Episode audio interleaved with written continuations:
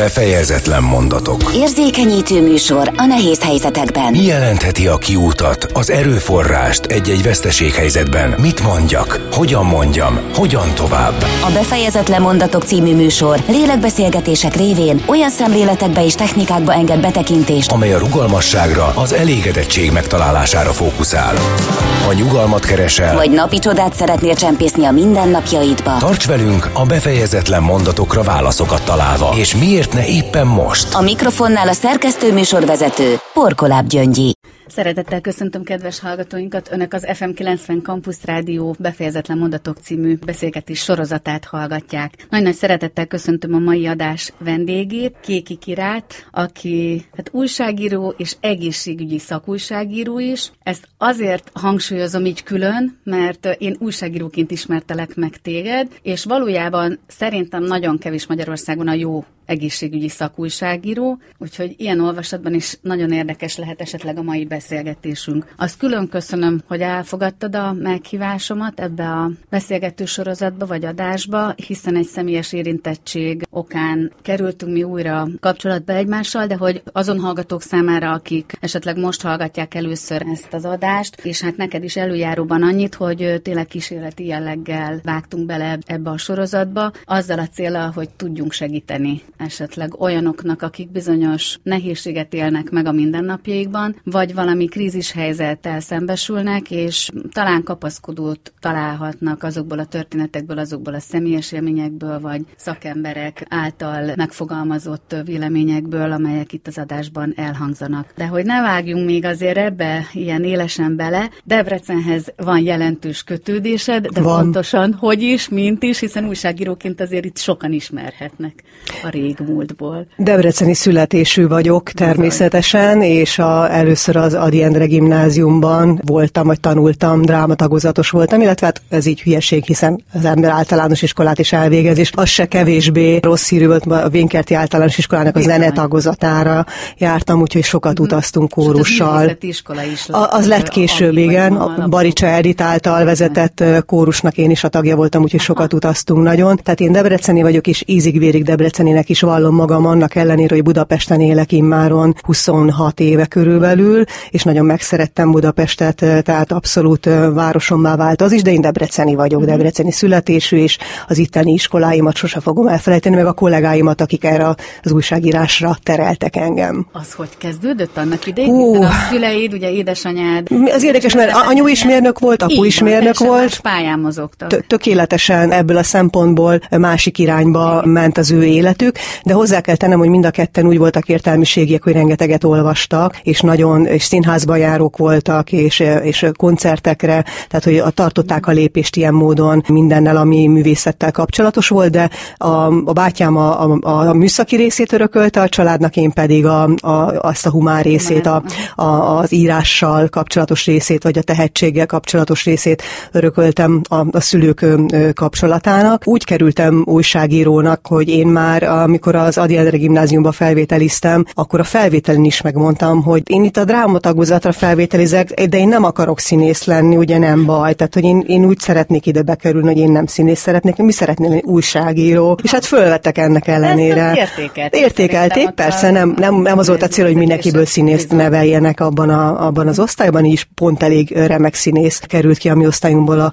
Gubás Gabi Major Melinda, Vékony Anna, Hafner Anikó, és biztosan Botos Éva, és még sorolhatnám, hogy kik léptek erre a pályára. Úgyhogy így, így kerültem én erre, és mikor gimis voltam és harmadikos, akkor a naplóban beindult egy diák újságírói tanfolyam, amire én jelentkeztem, fölvettek. Hát most így hülyén meg nagyképűen hangzik biztosan, de azt mondták, hogy, hogy annyira jó az íráskészségem, és annyira nekem való ez a dolog, és olyan talpra esetten ügyesen oldok meg mindent, hogy nekem úgy tényleg újságírónak kellene lennem. Tehát amit én 14 évesen úgy megfogalmaztam, hogy újságíró, újságíró szeretnék lenni, arra 16 évesen rábólintottak, hogy igen, legyek újságíró, úgyhogy így, így kezdődött ez, ez a pályafutásom, aztán az egészségügy felé fordultam el, mert az mindig is érdekelt. Na akkor itt van már számomra legalábbis egy, egy nagyon érdekes történet, hiszen a, az Adiendi gimnáziumnak a drámatagozatára járó diákok mindegyike arról számol be, már a tanulmányai során is, hogy ami rendkívül komoly hozadéka, hogy egyfajta személyiségfejlődés folyamatában segít maga az a képzés, vagy az a fajta fajta módszertan, amivel közelítenek, és most, hogy így meséltél erről, az, hogy újságíróból aztán hogyan lett egészségügyi újságíró, hogy számodra ma itt 2022-ben ülünk és beszélgettünk, mi jelenti a valós fejlődést, hogyha visszagondolsz akár arra a négy évre, míg az Adi Endre gimnáziumban jártál, meg hát ugye ma talán boncolgatjuk több oldalról is, hogy, hogy, hogy a fejlődés mennyire fontos az életünkben is, hogy, hogy ki hogyan éli meg. Szerintem a legnagyobb áldása ennek a négy évnek az az volt, hogy minket úgy fogadtak el, ahogy voltunk. Legalábbis a drámatagozatos tanárok és a, az a része az iskolának, mi az összes diákra értékként tekintett.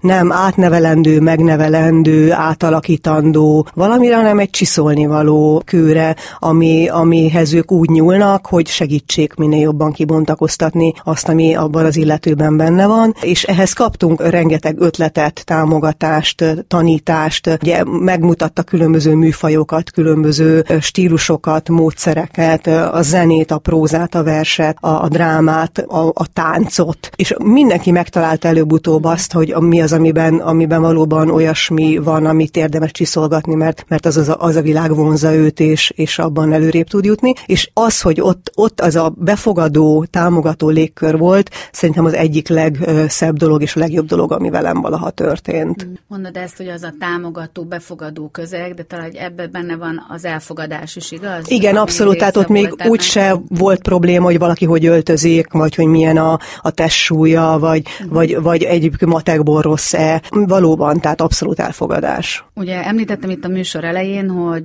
hogy édesanyád betegsége apropóján kerültünk mi újra kapcsolatba, és hogy most itt szóba került maga az elfogadás. Talán én is megoszthatom azt a személyes élményemet itt veled is az adásban, illetve a hallgatókkal is, hogy amikor először fölhívtál azzal a problémával, hogy, hogy tudod, hogy édesanyád már nagyon beteg, ebben szeretnél segítséget kérni, valami olyan hihetetlen és megható megközelítést éltem meg, amikor telefonon beszéltünk, hogy nyilván az nem volt kérdés, hogy megpróbálok segíteni valamilyen formában, én is a magam szakértelmivel, de ez valahogy számomra túlmutatott azon a minden nap tapasztalható elfogadáson, ahogy talán a társadalom közelít az ilyen típusú kérdésekhez. Ugye nagyon sokszor látjuk azt, hogy izolálódik a beteg, ha diagnosztizálnak nála egy gyógyíthatatlan betegséget, vagy már nagyon rossz állapotban van, és szó szerint se a kollégák, se a szomszédok, jaj, nem merem felhívni, mit is kérdezek tőle. Hogyan is volt ez a ti esetetekben? Azért merem ezt így kérdezni, hiszen egy nem régiben egy cikk jelent meg a te tolladból, amelyben talán egy sorozat formájában, de beszámolsz édesanyád betegségéről. Nálunk abból a szempontból volt nagyon szerencsés a,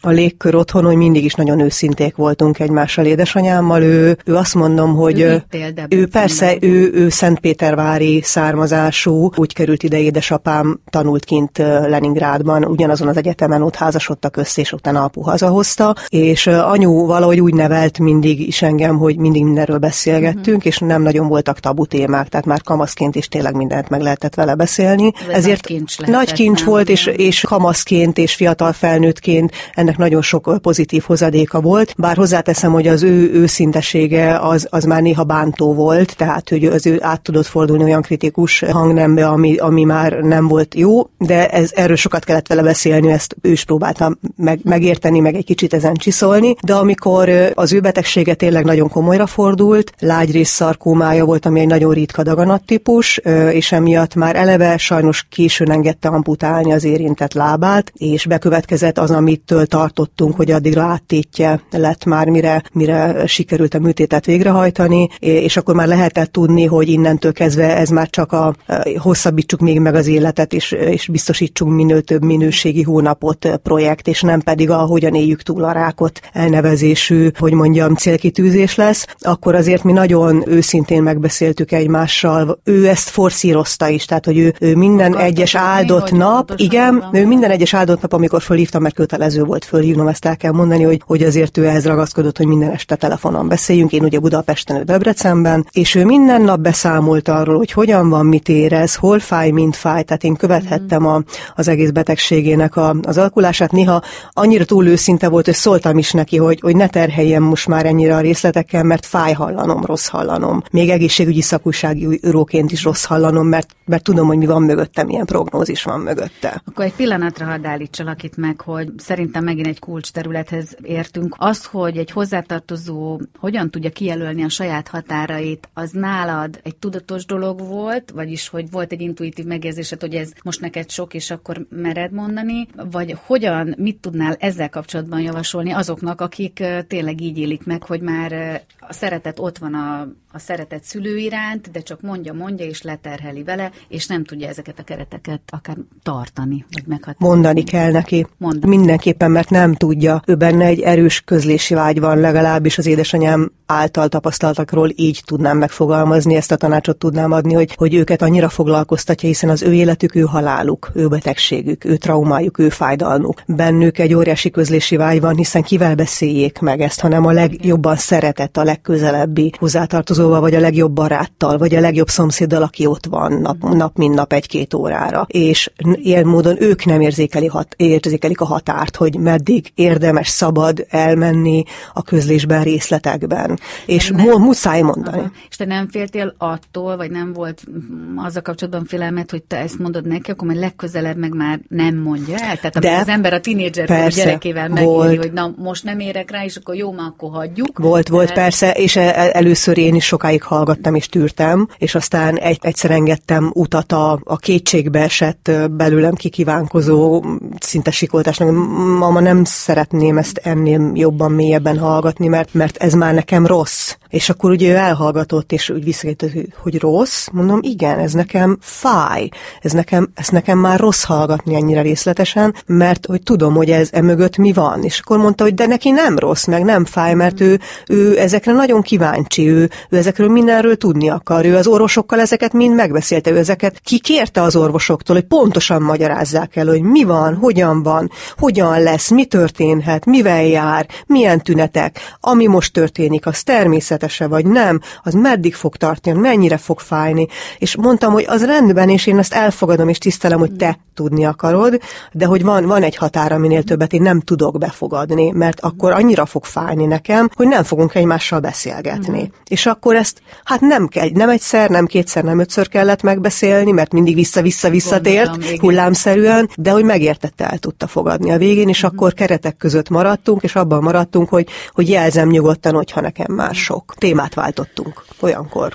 Gondolom ezek nyilván tünetek is voltak, Így van. minden, ami, ami őt érintette, vagy amit megtapasztal, de hogy ugye a tumoros betegségeknél, ahogy természetszerűleg más betegségeknél is, bár talán a tumoros betegségeknél a szakma felállított egyfajta olyan folyamatot, ami kapcsán ugye azok a pszichológusok vagy onkopszichológusok tudnak segíteni a betegnek vagy a családtagoknak. Szóval hogy ennek van hat fázisa, hogy ebben mennyire érezted azt, hogy boldogulsz egyedül, és tudsz neki segíteni, vagy esetleg próbáltál segítséget kérni. Gondolok itt arra, hogy ugye egy ilyen betegségnél lehet egy depresszív időszak, az, hogy mire eljutod, hogy elfogadja egyáltalán az ő saját betegségének a tényét, az is egy folyamat. Annyira hosszú volt, négy évig küzdött a nyuarákkal, ami egy rendkívül ritkaság ennél a betegségtípusnál, hogy olyan lassan alak, so, sokkal, sokkal gyorsabban megszoktak ebben, igen, sajnos halni az emberek, olyan lassan alakult minden, hogy végülis mindenre volt időnk, és az összes szakaszát a, a, ennek a betegség elfogadásának végülis mind a ketten szépen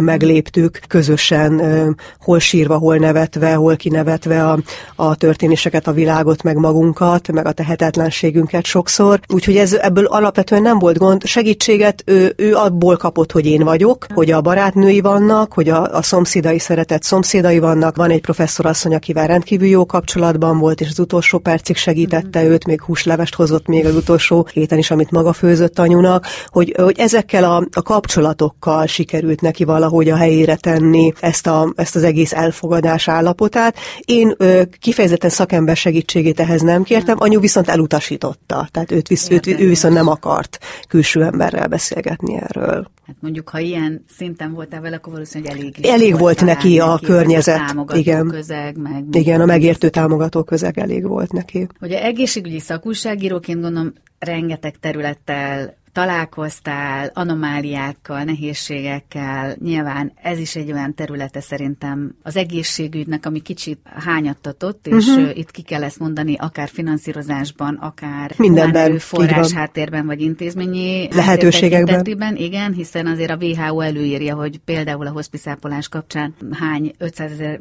lakosra vagy egy millióra hány ágy kellene, hogy jusson, és még azért miatt el vagyunk maradva. Viszont vannak fejlődési területek az országban, ahol lehet látni itt Pécs, Miskolc, illetve Debrecen is egy ilyen, ilyen terület. De ami igazából érdekelne, hogy egészségügyi szakújságíróként mennyire lehetett külön választani, hogy én most a, a lánya vagyok, uh-huh. aki, aki a lányaként szeretnék neki segíteni, vagy mennyire akartál úgymond, most jó értembe véve okoskodni, és akkor azt mondani, hogy na majd én most e, ennek is utána járok, abzal is képbe vagyok, itt is van egy kapcsolatom, szóval, hogy ebben könnyű volt eligazodni ez? Hogy Mindig ahhoz nála? képest, ahogy anyu elvárta, vagy ahogy anyu szerette volna. Ha, ha csak kijönteni akarta a szívét, akkor lánya voltam, hogyha éreztem lebegtetve a, a kérdést, hogy vajon lehetne valamit még csinálni, kaphatná valami fájdalomcsillapítást, van-e lehetőség arra, hogy, hogy jobban érezze magát az utolsó hónapokban, akkor pedig úgy tettem, ahogy egy egészségügyi szakújságírónak kell, utána olvastam, utána néztem, Aha. utána telefonáltam dolgoknak, és megnyugtattam őt, vagy elmondtam, hogy mik a lehetőségek, és igyekeztem akkor ebben segíteni neki, úgyhogy ahogy ő az ő állapota éppen kívánta. Emlékszel bármilyen konkrét esetre, amikor esetleg valakit felhívtál? Igen, konkrétan, hát amikor ugye ez idén januárban az utolsó heteinket kezdtük el, ugye akkor azt már sejtettük, hogy ez a tényleg a vége ennek a hosszú küzdelemnek és harcnak, és január 9-én, amikor én megérkeztem úgy Debrecenben egy vasárnap este, hogy délelőtt kaptam a telefonhívást, hogy most már nagyon nagy baj van, és, és anyu ébreszthetetlennek tűnik, és nem, nem igazán lehet vele kommunikálni, akkor gyorsan lehoztak minden számítógépestől, komplett munkaállomásostól Debrecenbe, hogy ide költözöm, akkor például azért kerestelek benneteket, hogy abban segítsetek, hogy anyunak látható láthatóan óriási fájdalmai voltak, hogy mit lehet gyorsan tenni, milyen, milyen módszer van, amivel, amivel hirtelenjében segíteni tudok, hogy ne szenvedjen annyira. Például akkor kaptam egy orvosi vonalat hozzátok, Jó, hogy így van. Orvos urak, Egyetem így van. Aki azonnal segített, és, és tényleg éjszaka beszéltünk egymással, amikor az ügyeleti idejében volt rám egy negyed órája, és egyrészt képbe helyezett, tehát akkor rögtön én megkaptam a szükséges információkat, amik nagyon kellettek hozzátartozóként, hogy még mégis most hol tartunk és mire számíthatunk, ez mit mm. jelent, amit anyu most átél. Másrészt konkrét segítséget, mert gyógyszerfelírást és terápiás javaslatot, illetve hogy utána hova forduljunk tovább, tehát hogy mi a további menetrend, hogyan lesz anyunak könnyebb a vég. Tehát, hogy ezek a praktikus dolgok szerintem nagyon kellenek ahhoz, mert különben elvész a hozzátartozó. Tehát semmelyikünk nem úgy született, hogy neki az legyen a feladata, hogy az élet végén a halál küszöbén kísérje a, a, a hozzátartozóját. Tehát nem ezzel a tudással rendelkezünk, nekünk a saját munkánk munkánknak a tudása van a fejünkben, meg a tapasztalataink, az nincs benne, hogy kit kell fölhívni, mit kell kérdezni, milyen fájdalomcsillapítás van, milyen terápia van, hogyan lehet kényelmessé tenni egy haldokló utolsó heteit, úgyhogy ez egy nagy köszönet azóta, és köszönöm, hogy akkor ebben tudtatok segíteni. Mennyire volt nehéz azt felismerni időben, hogy, hogy itt még ezt a fajta tényleg időben való minőségi elkísérést biztosítani tudod édesanyádnak, és tulajdonképpen magadnak is, hiszen édesanyaként, munkatársként egyébként egy munkamániás hölgy vagy, szóval, hogy menni kell tovább az életben. Sokszor lehet azt tapasztalni, hogy már az utolsó pár napban szaladnak segítséget, és próbálnak nyilván a kétségbeesésükben a hozzátartozók valami szakmai kapaszkodót találni. A rendszerben lehet látni anomáliát ezzel kapcsolatban, vagy szerinted Információ információ. hiány, ugye? Igen, igen, információ hiány. Igen, úgyhogy én... Nem is tudják az emberek, hogy lehetne már hamarabb? Nem is tudják, meg félnek is tőlem, mert hogyha hospicehoz fordulok, az azt jelenti, hogy, hogy, hogy, hogy, tudom, hogy meg fog halni a szerettem. Ha tudom, hogy meg fog halni a szerettem, az azt jelenti, hogy lemondtam róla. Ha lemondtam róla, akkor talán nem is szeretem őt már annyira, hogy életben akarjam tartani. Ez egy óriási belső dilemma, hogyha én felvállalom azt, hogy hospicehoz fordulok, akkor az, az annak az elfogadása, hogy ez itt a vég. Azt az ember igyekszik elodázni odázni, meg homokba dugni a fejét, és azt mondani, hogy nem, nem, most csak rosszabbul van, de utána úgyis biztosan jobb lesz, még, még, még hónapjaink vannak hátra, még, még rengeteg teendőnk és megbeszélni valónk van, és, és még nem vagyunk kicsúszva az időből, és minden rendben van, de nem igaz, fel kell ismerni ideje korán, mert inkább az ember hamarabb kérjen segítséget feleslegesen, és kerüljön be hamarabb a rendszerbe, és kapja meg a megfelelő telefonszámokat és embereket, hogy kivel, hogyan, mikor kell kommunikálni ahhoz, hogy jobb legyen, mint hogy későn kapkodjon, hogy az utolsó pillanatban még valamit sikerüljön elérni. Úgyhogy mi anyuval ebben nagyon ügyesek voltunk, mert ő egyrészt hát jelezte a karácsonyt nagyon-nagyon kics, szinte kicsattanó egészségben így mutatta magát. Tehát, hogy volt egy, felvette, mint egy ruhát ezt a jól vagyok, rendben vagyok, még egyszer megcsináltam nektek a kedvenc ételeteket, és karácsonyozzunk együtt, és boldogok vagyunk, és utána leeresztett. Tehát, hogy ő jelezte, igen, ő tudta, hogy ez az utolsó karácsonyunk, de hogy ezt meg is mondta szavakban is, hogy, hogy, hogy azért főz nekünk még most utoljára erején felül is fél lábbal, mert hogy többet már nem fog tudni. És ő januárban kvázi, mikor beszélgettünk, azért már úgy, úgy éreztem rajta, hogy, hogy ő, ő elengedte. Tehát, hogy ő tényleg úgy gondolja, hogy, hogy most már jöhet a vég, mert, mert neki ez most már túl terhes. Én azt gondolom, hogy ez az, amiről beszélni kell. Tehát, hogy ez az, amit, amit, amiről nem beszélünk eleget, vagy egyáltalán nem beszélünk, pedig beszélni kell, ezért írom azt a könyvet, ami erről szól, erről a haldoklásról, ennek a hat hetéről szól, mert végül hat hét adatot meg nekünk kettesben édesanyámmal. Ez egy készülő könyv. Mielőtt még a könyvről egy picit beszélgetnénk, megint bevillant a fejlődés szó, és csak motoszkál bennem, hogy az egy nagyon komoly fejlődés bárki életében, amikor, amikor megtapasztal, egy ilyen élethelyzetet, és talán eljut oda, hogy, hogy, hogy el tudja fogadni, hogy az édesanyjával együtt ezt a folyamatot együtt átélik, és igenis az életnek van vége, ugyanúgy, ahogy egy örömteli születést megélünk. De miben vagy egy picit más azóta, hogy, hogy, hogy ezt közösen megéltétek, hiszen valóban egy közös küzdelem volt, egy közös elkísérés, egy közös elengedés. Megváltozott Kiki kirában bármi azóta, hogy anya nincs? Rengeteg minden. Én azt szoktam mondani, hogy életem legdrámai, legmegrázóbb, legfájdalmasabb, leg legszörnyűbb, borzalmasabb, és közben legfelemelőbb, legtisztább, legnagyobb ajándékként tekintett hat hetén vagyok túl, és egyetlen percét sem bánom, annak ellenére sem, hogy ebben voltak tényleg olyan részletek, amit senkinek nem kívánok, hogy átéljen, és olyan módon léptük át édesanyámmal a saját határainkat, és a saját komfortzónánkat, mert hogy jöttek olyan problémák, amiket meg kellett oldanunk, mert csak ketten voltunk ebbe zárva egy házba, és nem hajnal kettőkor nem tudok segítséget kérni egy rossz rosszullétnek a megoldásában, és mindenféle olyan betegápolási dologban, amire én nem vagyok kiképezve, mert hát én, én, én, én egészség, egészségügyi szakúságíró, de nem nővér, és nem orvos vagyok, tehát, hogy én ezekről az információt tudom elméletben, de hogy, hogy hogyan oldjak meg egy, egy pelenkázást, vagy egy, vagy egy, egy olyan rosszul létet, amit már más látni se tud,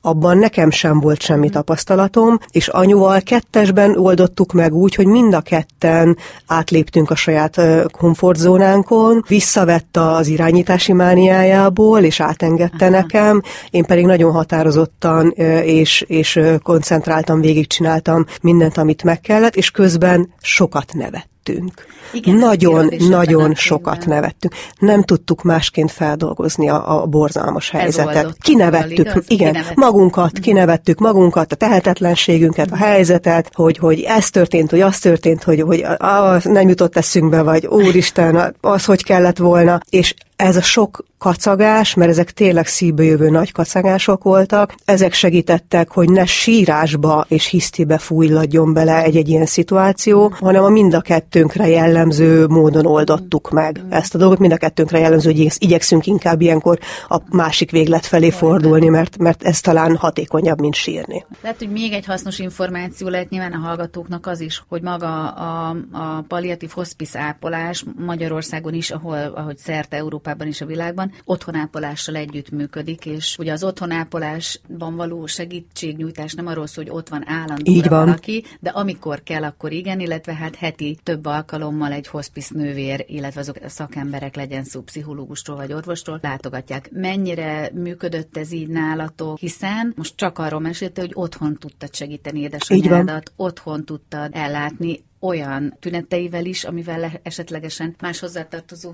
nyilván beviszi a kórházba, mert nem tudja otthon megoldani. Vagy, vagy nem, nem meri. Képes, vagy Igen. nem meri. Igen. De hogy azért ezek is olyan információk, amikről lehet, hogy nem tudnak. Persze. Egyrészt anyunak az volt a kívánság, hogy otthon akar meghalni. Ez nagyon-nagyon fontos, mert, mert megmondta, hogy minden áron. Tehát, hogy nulla kivétel. Tehát, hogy semmi. Aha. Tehát tényleg azt mondta, hogy nem tud olyan okot mondani, ami miatt ráhívhatom a mentőt, hm. vagy ami miatt bevihetem kórházba. Tehát azt mondta, hogy ezt ő leszögezi, ez az egyetlen egy kérése van, ezt tartsam, legyen szíve, legyek szíves tiszteletben, hogy ő otthon a saját ágyában szeretne meghalni. Én ezt elfogadtam, és ezzel az, az járt együtt, hogy akkor a, a köré kellett szerveznem a, az é, saját életemet, illetve az ellátást is, és járt hozzánk hospice nővér is, fantasztikus volt, tényleg nagyon-nagyon sokat segített lelkiekben is, meg, meg a kötözésben, a sebellátásban, de akár a, olyanban is, hogy valamit éppen hirtelen el kellett intézni, és akkor abban annak a megszervezésében járt hozzánk a szociális osztály részéről szociális gondozó, aki bevásárolt anyunak, a takarítást végezte. Én ugye közben ugyanúgy dolgoztam, csak a helyszín változott meg nem Budapestről, hanem otthonról. Az alvásunk az felborult teljes mértékben, mert innentől egy 0-24-es ügyeletet láttam el én otthon, és akkor ahhoz igazodva pihentünk, illetve voltunk fent, hogy anyu éppen hogy érezte magát. Ha orvos kellett, akkor orvos jött ki, akkor ő vizitelt, és ő döntött el, hogy milyen terápia az, ami még alkalmazható, vagy hogy a fájdalomcsillapításon emelhetünk-e, mert a végén már morfiumot is kapott, hogy annak milyen mellékhatása van, akkor szabad-e még emelni a dózison, ilyesmi, és hát folyton ilyen módon konzultáltam a szakemberekkel, akik nélkül ez nem ment volna, mert akkor tényleg úgy éreztem volna, hogy magamra vagyok hagyva. Így legalább mindenképpen volt egy információs közeg, mm. és egy fizikai közeg is, akik azért jöttek és segítettek. Igen. Elképzelhető, hogy azért, mert nagyjából láttátok a, a kifutását, vagy az, hogy mennyi van hátra, ezért tudtad te magad is programozni, úgymond magad arra, hogy én most ezt egyedül is meg tudom oldani, hiszen azért nagyon sok olyan család is van, vagy hozzátartozó, aki fizikailag teljesen kimerül az ápolásban otthon, és hiába szeretné ő végigcsinálni, már nem bírja. Hogy ilyenkor mi az, amit te látsz akár? Én úgy gondolom, hogy, hogy ebből a szempontból ez egy teljesen egyedi és, és megismételhetetlen szituáció volt, mert anyunak volt egy mondása, ez benne is lesz a könyvben, hogy majd meghalok, ha akarok. Ő egy nagyon-nagyon erős személyiség volt, elképesztő lelkierővel és, és mindenféle olyan tartással, ami a, szerintem még az ő korosztályába is ritkaság számba megy, és ő, ő ezt annyira komolyan vette, hogy ezt a januárban elengedte magát, és akkor most már következzen a vég. Ezt ő igyekezett úgy is programozni, hogy, hogy ezzel ne nyújtsa el nagyon.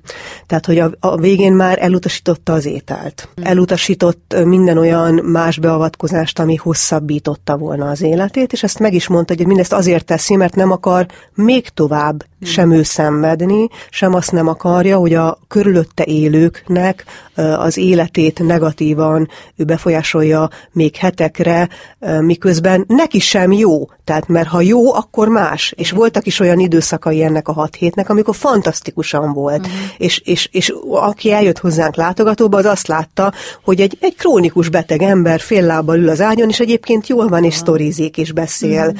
és, és jó kedve van, és, és, és nevet, és, és mindenféle jó dolog történik. Én láttam az érem másik oldalát, amikor ült gyakorlatilag félig eszméletlenül a tolószékben, a, a fejére ejtve a melkasát, és csorgott a nyál a szájából, és nem tudott magáról, és napi 16 órát aludt. Tehát, hogy ő neki váltakoztak ezek a, az élethelyzetei ez alatt a hat hét alatt, és szerintem akinek olyan hozzátartozói halál jut, ami hosszú, az nagyon nagy bajban van mert ő az, aki, aki a végletekig ki fogja magát zsigerelni, lelkileg is és testileg is, Igen. amíg végig tud menni, amíg végig tudja kísérni a szerettét a halálhoz vezető úton. Mit tudunk nekik javasolni? Mert Szakember segítségét pont, kell kérni. Érzi, hogy Igen. Nagyon fáradt, nem kell restelni, azt mondani, hogy elfáradt Igen. egy picit, és Ugye a hospice az is a, az egyik előnye, hogy, hogy ha van hely, akkor ilyenkor arra is lehet segítséget kérni, hogy egy hétre, két hétre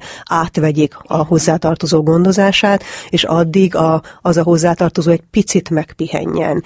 Egy picit visszatérhessen a, a szó szerint normális életbe. Amikor a reggel, a délben, az este az arról szól, amiről azelőtt, mielőtt ő ápolni kezdte az, aki éppen azt, aki haldoklik. És az alatt az időszak alatt kicsit föl lehet töltődni. Fizikálisan is, mentálisan is. Ez olyan, mint mikor az anya a gyerekét leadja az óvodába, vagy az iskolába az első időben, és hogy alig várja már, hogy visszakapja. Tehát, hogy itt is ugyanez van, hogy, hogy oké, hogy eltelt egy hét, két hét, de most már akarom látni anyut vagy aput, mert, mert, mert az ő, ő, az én részem, és szeretnék ott lenni az utolsó pillanataiban, és szeretnék segíteni neki, és jó érzés, hogy ott vagyok vele, és hogy együtt éljük meg ezeket a dolgokat, de hogy milyen jó, hogy egy picit megpihentem.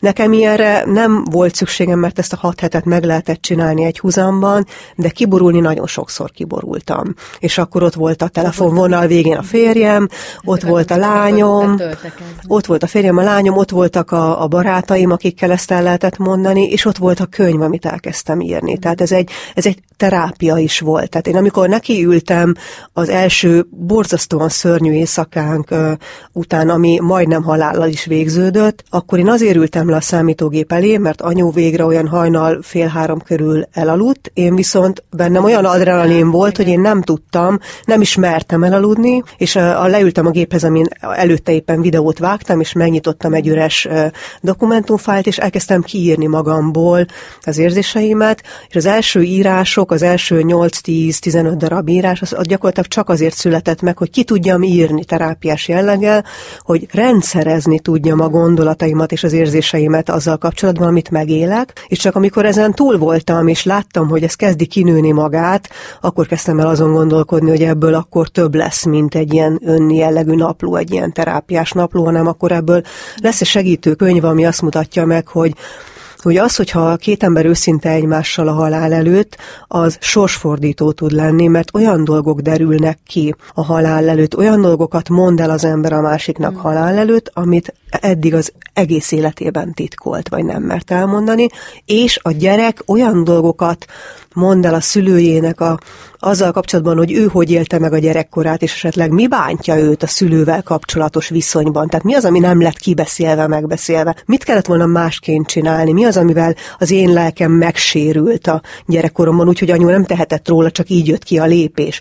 Ezeket mind átbeszéltük. És ez a leges legnagyobb ajándék, amit az ember kaphat, hogy úgy teszi le a végén a pontot a mondat végére, az élet végére, hogy nem maradnak benne tüskék és elvaratlan szálak. Nincs befejezetlen mondat. Több dolog jutott most eszembe. Az egyik, hogy te kinek adnád át azt a titkot, amit esetleg őrzöl magadban. Ez ő volt-e, akinek át tudtál adni titkot, vagy most az ő távozásával is van benned olyan, hogy van a családban valaki, illetve hát van-e valaki a családban, ugye a tágabb körben, akivel annak apropóján jutottál oda, hogy rendezni szeretnéd a viszonyodat, hogy anyával ezt a hat hetet végigcsináltad? A bátyámmal.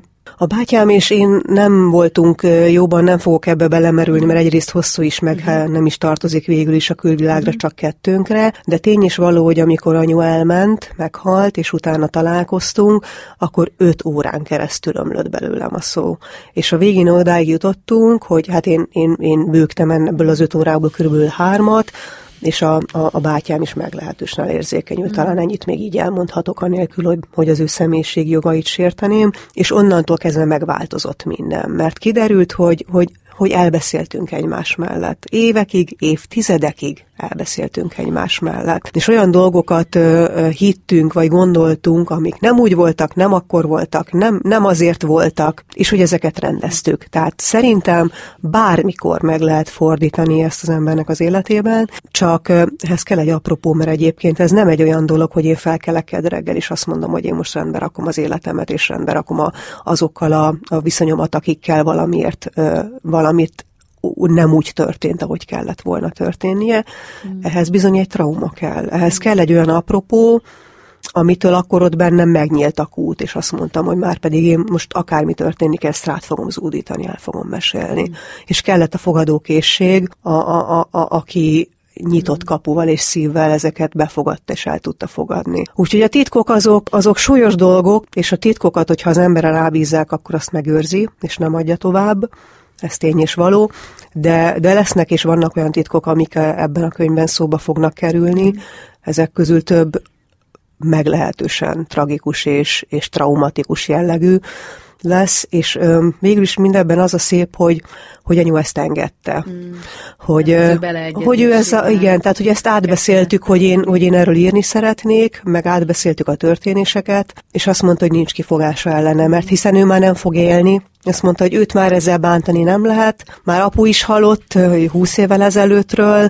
Ha, ha engem nem zavar, hogy ezekről őszintén beszélek, ha a bátyámat nem zavarja, hogy ezekről őszintén beszélek, akkor kislányom tedd. Mert, mert anyu tudta rólam, hogy nekem szívügyem az, hogy őszintén kell beszélni olyan dolgokról, amikről mások nem beszélnek őszintén. Volt-e benned olyan, hogy ha anya nagyon rosszul lett volna, és nem tudod ellátni, egy dilema, hogy te megteheted-e, hogy őt beviszed kórházba, annak ellenére, hogy ő azt kérte tőled, hogy nem. Egy pillanatig sem. Teljes mértékben elfogadtam. Igen, elfogad. elfogadtam azt, hogy a karjaim között fog meghalni. Elfogadtam azt, hogy lehet, hogy látni fogom a halálát. Elfogadtam azt, hogy végig kell csinálnunk, bármi is fog történni. Ez gyakorlatilag a, a legszebb ajándék, amit egy gyerek az édesanyjának tud adni, és ezt meg is fogalmaztuk mm. ott mi ketten az egyik mm. délutánon, amikor, amikor anyu azt mondta teljesen váratlanul, és ezt nem tudom elfelejteni neki, mert sose volt, a, nem hogy a nagy szavak embere nem volt, de hogy nem igazán dicsért engem sosem gyerekként sem, meg felnőttként sem, de akkor konkrétan azt mondta nekem, hogy lányom, le kellene, hogy boruljak a lábad elé azért, amit te itt most megteszel értem. És akkor azt mondtam, hogy itt vagyok, ez a dolgom. És hogy nekünk nem volt befejezetlen mondatunk. Nekünk azon a délutánon, amikor anyu meghalt, akkor ez is benne lesz majd a könyvben, akkor ő úgy tett pontot ennek az életnek a végére, ennek a történetnek a végére, hogy ő azokat a dolgokat elmondta, amik nekem világéletemben hiányoztak. Nekem a saját édesanyám a szemembe sosem mondta ki azt a szót, hogy szeretlek. De aznap délután úgy köszönt el tőlem, hogy szeretlek. Mm. És utána pár órával meghalt. Ez egy befejezett mondat. Hát ez nagyon is az, mert talán pont róla írtad, hogy a, ő a tettekkel szeretett. Így van. És nem és nem pedig a... szavakkal, így van. hogy úgy általában azt mondják, hogy mert akkor szeret jól egy édesanyja, ha így szeret. Igen. Mégis milyen csodálatos búcsú az, amit így... Ő átlépte a saját határát. Ő abszolút, mert hogy ő, ő ezt, hogy ehhez nem volt hozzá szokva, de akkor tudta, hogy, hogy, hogy itt már nincs több, hogy itt a vége, és hogy ha valamikor, akkor legalább életében egyszer ezt ki kell mondania mert hogy attól én, én is, és mindenki megváltódik egy kicsit. Igen. Valószínű, hogy a lehetség, vagy lehetséges, hogy azért is tudta ezt megtenni, mert ott voltál neki? Persze. Te ott voltál, Én voltam a biztonság, igen, igen. igen. És ő azért is kérte, hogy bármi is történik, hmm. annyit kér csak, hogy, hogy otthon is. És mondtam, hogy rendben, bármi is történik, szavamat adom hmm. otthon és ketten, és meg fogjuk oldani, megcsináljuk, és túl leszünk rajta. És hát ez így is történt. Hát nehéz ehhez, ehhez mit mondani, talán megint eszembe jut egy ilyen Szabó Magdás idézet, ez az ajándékomat megbecsüld. Milyen sokan vágyunk talán arra, hogy ugyanúgy, ahogy édesanyánk, amikor megszülettünk, és a kezei között tartott bennünket, hogy valahogy ez a búcsú ugyanilyen szép tudjon Bizony. Lenni és valami ilyesmi hallatszik ki ebből az élményből. Így van. Én azt mondom, hogy nagyon-nagyon szerencsés vagyok, ehhez persze anyu is kellett, és mm. én is, meg az, hogy mind a ketten fölvállaltuk ezt a szituációt, és mm. azt tudom mondani, hogy, hogy amikor jött a hír, hogy oda kell mennem, akkor én hisztérikusan zokogtam otthon, hogy nem, nem, nem, én ezt nem fogom tudni megcsinálni, én erre nem vagyok képes, mm. ez, ezt én, ne, én nem tudok halálba kísérni valakit, én nekem, nekem ez nem megy, én ilyet nem tanultam, mm. én ezt nem fogom kibírni lelkileg meg, és mégis mikor ott voltam és meged, és, és csináltuk, akkor, akkor bele, kész beleedződik az ember, tehát hogy, hogy jönnek egymás után a napok, és, és megcsinálja az ember. És csak ezt tudom mondani, hogy még ha az ember úgy is gondolja, hogy nem képes rá, de igenis, képes rá, és tegye meg, mert a saját lelke lesz sokkal könnyebb a végén.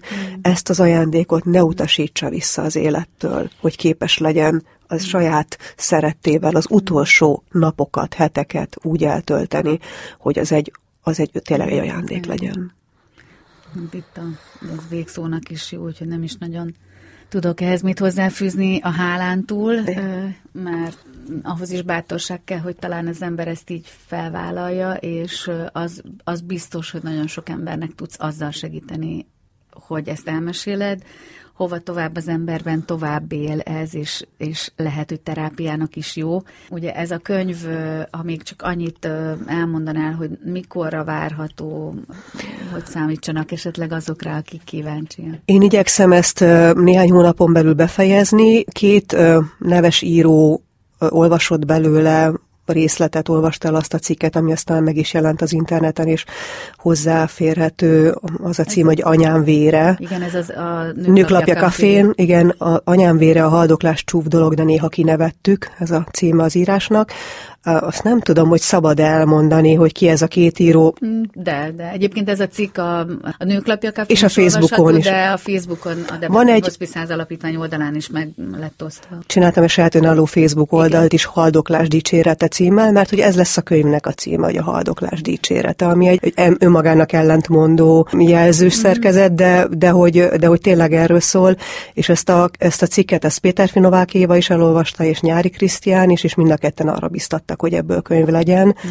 mert hogy nagyon erős és traumaírás, úgyhogy... Nyári Krisztián egyébként kuratóriumi tagja az alapítványnak. Bízom benne, hogy ez azt, azt jelenti, hogy hogyha ők jónak értékelték Igen. ezt a szöveget, hogy, hogy ez akkor talán idén eljut odáig, hogy valamilyen formában a közönség elé is Igen. oda kerülhessen. Péter Finovákiváról meg azt kell tudni, ugye, hogy az Egyasszony című regényével robbant be úgymond íróként saját személyes ö, tragédiáját írta meg, és aztán ebből egy színdarab is született Enkirék a főszereplésével, hogyha valakit esetleg érdekel, úgyhogy hát ö, érdeklődéssel várjuk, noha ezek nem könnyű témájuk könyvek, Bizony. és ugye ez egy másik téma, hogy hogy vajon a polcról leveszünk-e ilyen könyvet, vagy Bizony. levesszük, belolvasunk és visszatesszük. Félve, igen. Félve, de hogy talán bátoríthatunk mindenkit arra, hogy ha más meg olvasson bele, hogy szippantson bele abba, hogy, hogy merjünk szembenézni sokszor, akár önmagunkkal is, Igen. hiszen itt ebben a folyamatban ez is történik. Így van, és hogy milyen megküzdési stratégiák vannak ahhoz, hogy az ember jól jöjjön ki egy ilyen, ilyen borzasztó élethelyzetből is. Nagyon-nagyon szépen köszönöm, Kira, hogy, hogy tudtunk beszélgetni. Nekem is nehéz volt végighallgatni, nyilván az ember belehelyezi magát egy-egy ilyen történetbe, de hogy, hogy ugye a hallgatók számára is talán ebből ami még tanulságként, nem tanulságokat vonunk le egy, ilyen beszélgetésből, de mégiscsak kihallatszhat, hogy sosem tudhatjuk, hogy mi következik holnap, és bár sokszor mondjuk azt, hogy éljük meg a jelent, ezek a történetek az ember talán megerősítik abban, hogy igenis örülni kell annak a, a mának, az egészségnek, hogy vagyunk egymásnak, és hogy ezek nem ilyen nagy hangzatos, lózungos dolgok, hanem, hanem az ember így van vele. És eszembe jutott még itt a vége felé egy történet, amit amikor mi Debrecenben egy szemléletformáló programot vittünk iskolákban, aztán majd később óvodákban is, ami a gondoskodás nevelésről szólt, akkor volt egy kislány, akinek a program közben halt meg az édesanyja, és ő segített, a még kezeléseket kapott az édesanyja, hogy a testvére eljusson az óvodába, és segített, és aztán, mikor készült egy film erről a programról, akkor ők azt nyilatkozták ebben a filmben, hogy mi együtt sírtunk, együtt nevettünk, mert megbeszéltük, hogy mi nem akarunk sírni, és így kísért el az édesanyját, és ő volt volt az, akitől származik az a szlogen, amit a Budapesti Alapítvány is használ, illetve hát mi is, hogy, hogy minden perc értékes, vagy minden pillanat értékes, hiszen az ember valahogy ezek mellett úgy elszalad, vagy talán ez a mai világ olyan, hogy elszaladunk. Igen, és tényleg ezeket meg kell élni. Ez, ez a leges, legfontosabb Igen. dolog, muszáj, mert különben mi leszünk magunkra Igen. örökre dühösek, dühösek, hogy ezt kihagytuk. Köszönöm szépen még egyszer ezt a, ezt a tényleg őszinte és mi beszélgetést. Köszönöm szépen hallgatóinknak is a figyelmet. Bízom benne, hogy nagyon sokan velünk tartottak. Akik előző adásaink tartalmára kíváncsiak, azok a www.demedia.hu című oldalon, illetve a Porkoláb Gyöngyi podcast csatornán visszahallgathatják ezeket a beszélgetéseket. Köszönöm szépen a figyelmet, köszönöm szépen Kiki Kirának, hogy megosztotta velünk ezt a személyes élményét, és hát kívánok neked további nagyon jó töltekezést, meg ez a könyv, ez egy újabb fejezet az életedben. Így van, meg egy terápia. Meg egy terápia, úgyhogy esetleg várunk vissza majd majd, amikor... Köszönöm szívesen. Könyv megjelenik. További kellemes napot kíván. Búcsúzik a szerkesztő műsorvezető Porkoláb Gyöngyi a viszontalásra.